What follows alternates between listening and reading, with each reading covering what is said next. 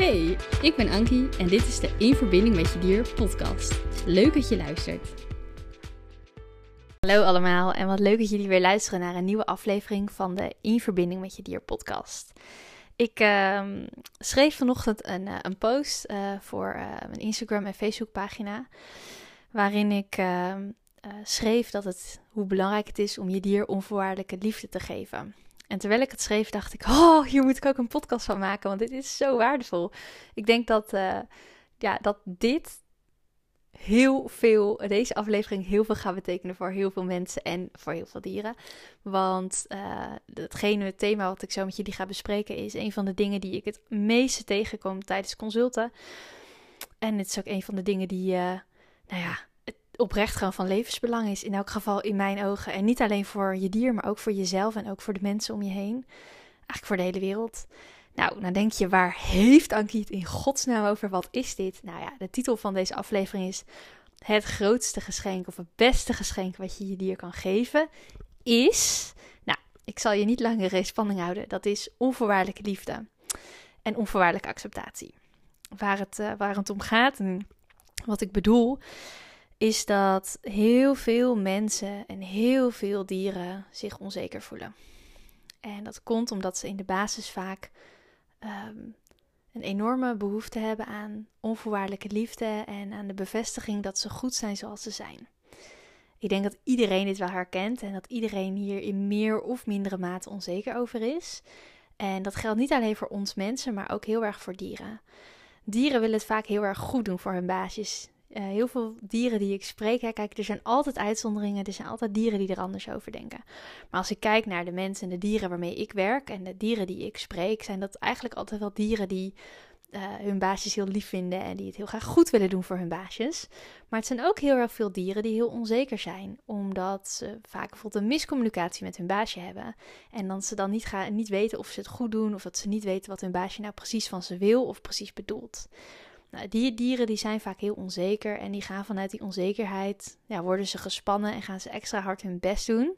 Maar op het moment dat ze extra hard hun best gaat doen, dat hoor je misschien ook al een beetje aan de woorden die ik gebruik, dan komt er een druk op. Dan ontstaat daar een, een, een ja, dan ontstaat daar een soort van druk. Dan, misschien herken je het zelf ook wel, als je je onzeker voelt over iets of iemand of in een situatie, dan ga je het extra hard proberen, maar dan ontstaat er een druk en dan wordt het... Uh, ja, ik zoek even naar het goede woord. Dan, dan, dan forceer je jezelf om iets te doen waar je eigenlijk niet helemaal prettig bij voelt. Maar ja, je wilt toch heel graag wel dat de situatie wordt opgelost. Of dat je je minder onzeker gaat voelen of dat het beter gaat. Maar ja, dan, dan stroomt het niet. Dan loopt het niet lekker. Ik ja, kan niet helemaal de woorden ervoor vinden. Maar ik hoop dat je een beetje voelt wat ik bedoel. Uh, ja, ik zie heel vaak gewoon dieren die ja, dan best wel onzeker zijn. En vanuit daar bijvoorbeeld heel angstig worden. Of bijvoorbeeld heel uh, explosief kunnen reageren. Hè? Dat je dieren hebt die continu hun best proberen te doen voor een baasje. Maar dat het baasje steeds zegt: nee, het is niet goed, nee, het is niet goed, nee, het is niet goed. En op een gegeven moment is zo'n dier dan helemaal klaar mee. En dan rent hij weg. Of dan geeft hij een snauw of een knauw. Weet je wel, dat. Ja, nou ja, dat. um, ja, onvoorwaardelijke liefde is echt van levensbelang voor iedereen. Voor ons allemaal, voor alle mensen en alle dieren. En het is gewoon heel erg belangrijk, denk ik, dat wij daar als baasjes extra veel aandacht aan besteden bij onze dieren. Wat ik bij mijn eigen dieren altijd doe, is dat ik ze altijd uitleg en vertel. En zeker op momenten dat zij gedrag laten zien wat ik niet zo leuk vind of niet zo handig is. Dat ik altijd, hè, dan ga ik met ze in gesprek en dan zeg ik, joh, ik zou het leuker vinden of ik zou het fijner vinden als je je gedrag zou aanpassen. Maar wat je ook doet, ik zal altijd van je houden. Mijn liefde voor een dier staat los van het gedrag uh, wat het dier laat zien. Dus ik maak een onderscheid, ook in die onvoorwaardelijke acceptatie naar mijn dieren toe, maak een onderscheid tussen wie mijn dier is en wat mijn dier doet. En wie mijn dier is, accepteer ik onvoorwaardelijk altijd, 24/7, uh, het hele jaar rond, uh, gewoon voor altijd, voor de rest van zijn leven. En wat het dier doet qua gedrag, dat accepteer ik soms wel en soms niet. Dat hangt van de situatie af, van het gedrag af, van de context af. Maar um, ik denk dat het heel belangrijk is om je dier dit duidelijk te maken. Ik heb zelf een keer een paard gesproken dat uh, uh, aangaf dat ze, uh, die had verschillende eigenaren gehad. En die gaf aan dat ze ook een tijdje was geweest bij iemand die hele hoge eisen aan dat paard stelde.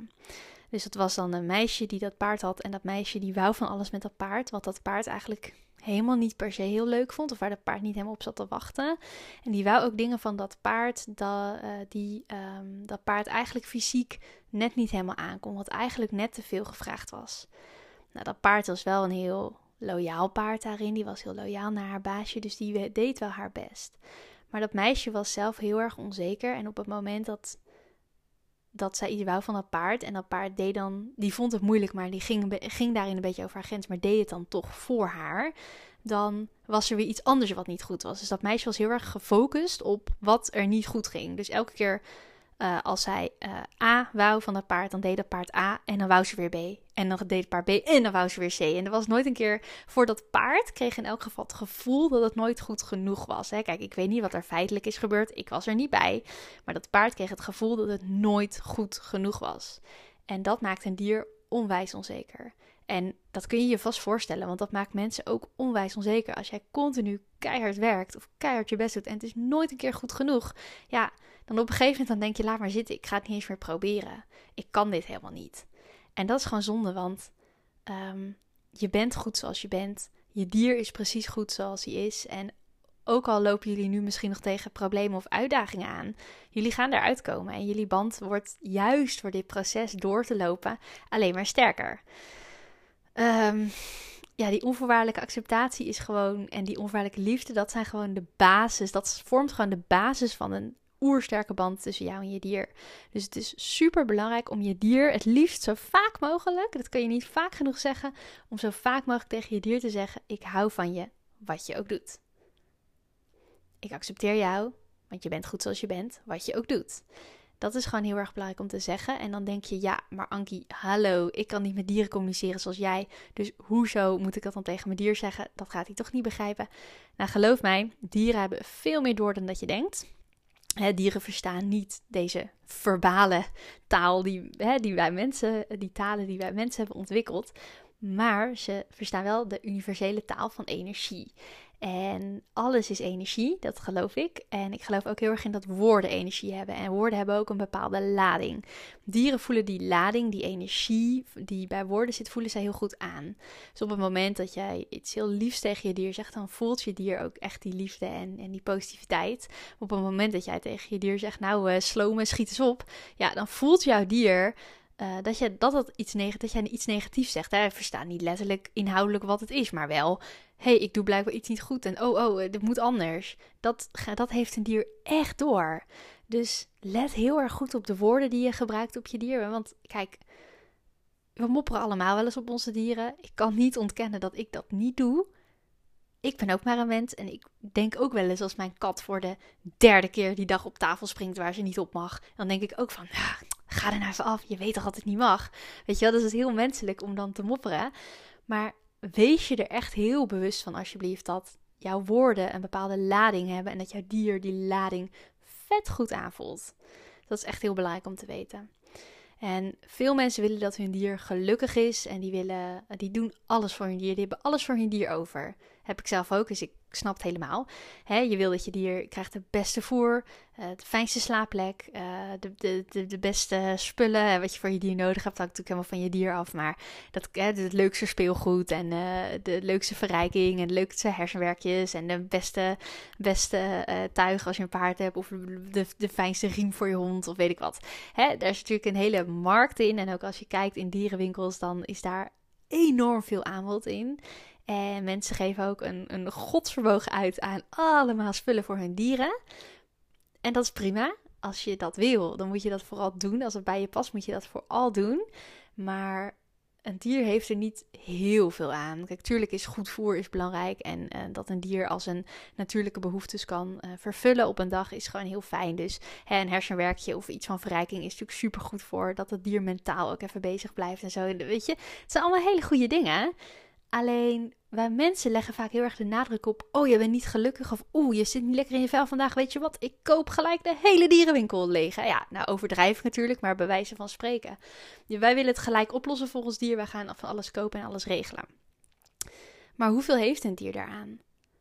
Volgens mij heeft een dier er veel meer aan, aan iets wat dus niet te koop is. En dat is dus die onvoorwaardelijke liefde. Die onvoorwaardelijke liefde kun je altijd en overal aan je dier geven. Want zelfs als jij niet bij je dier bent, maar jij denkt wel aan dat dier of jij praat over dat dier, dan nog voelt jouw dier jouw energie, jouw lading hè, die jij aan die woorden geeft. Jouw dier voelt dat. Jouw dier voelt het als je aan hem denkt. En jouw dier voelt het als jij over je dier praat. En die voelt dus ook als jij negatief over je dier praat.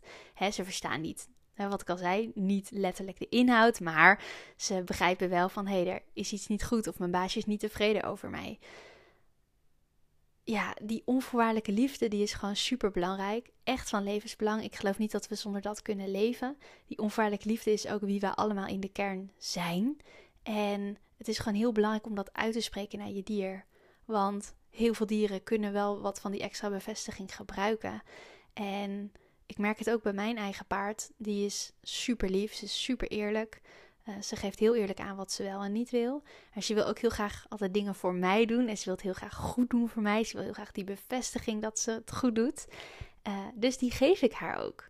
En echt elke dag vertel ik haar hoeveel ik onvoorwaardelijk ik van haar hou. Hè? Dus dat ik van haar hou, ongeacht wat er gebeurt, ongeacht wat ze doet. Ik hou van haar om wie ze is en niet om wat ze doet. En als zij die dag iets doet voor mij, of hè, ik vraag iets van haar en zij doet dat voor mij, dan vind ik dat super lief. Maar dan hou ik niet meer van haar. En dat betekent ook dat op het moment dat ik iets van haar vraag en zij doet dat niet, dat ik dan niet minder van haar hou. Dus mijn liefde voor haar staat los van haar gedrag. Dat is echt onvoorwaardelijke liefde en dat is gewoon super belangrijk. Dus um, ja, blijf het alsjeblieft herhalen naar je dier toe en benoemen en regelmatig benoemen. En je zult ook merken dat het bij sommige dieren die eh, zich goed in hun vel voelen en zelfvertrouwen hebben, die denken: Oh ja, ja, tuurlijk, dat wist ik. Maar andere dieren uh, zullen daar wat meer bevestiging in nodig moeten hebben. Sommige dieren zijn daar heel onzeker in, of sommige dieren hebben in het verleden misschien wat minder leuke ervaringen met mensen gehad. En die zijn daar vaak onzekerder in. En die denken dan van ja, maar hè, jij zegt nu wel dat je onvoorwaardelijk van me houdt. En vaak kunnen ze dat dan op dat moment wel voelen en, en geloven, zeg maar, en aannemen. Maar het kan best zijn dat ze het een dag later vergeten zijn en dat je het weer opnieuw moet zeggen. Dus wat dat betreft ben ik er heel erg voorstander van om in die zin te geven, te geven, te geven. Dus continu bevestiging en liefde geven van ja, je bent echt goed zoals je bent. En die liefde van mij is er echt voor jou. En die is puur en die is eerlijk en oprecht en onvoorwaardelijk.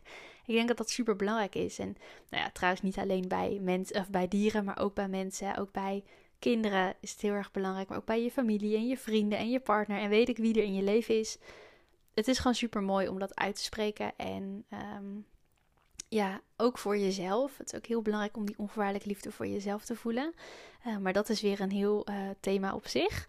Um, maar ja, ja, dat is eigenlijk de conclusie van het verhaal. Ik denk ook dat ik hem ga afronden, want ja, anders dan uh, val ik in herhaling.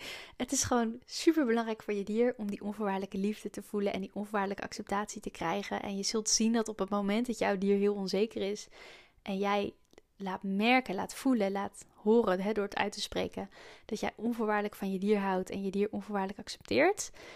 Uh, dat jouw dier dan echt veel rustiger gaat worden en uh, ja, meer een, een, een stabiele basis uh, gaat ervaren en een stabielere band met jou gaat ervaren en jij dus ook met je dier.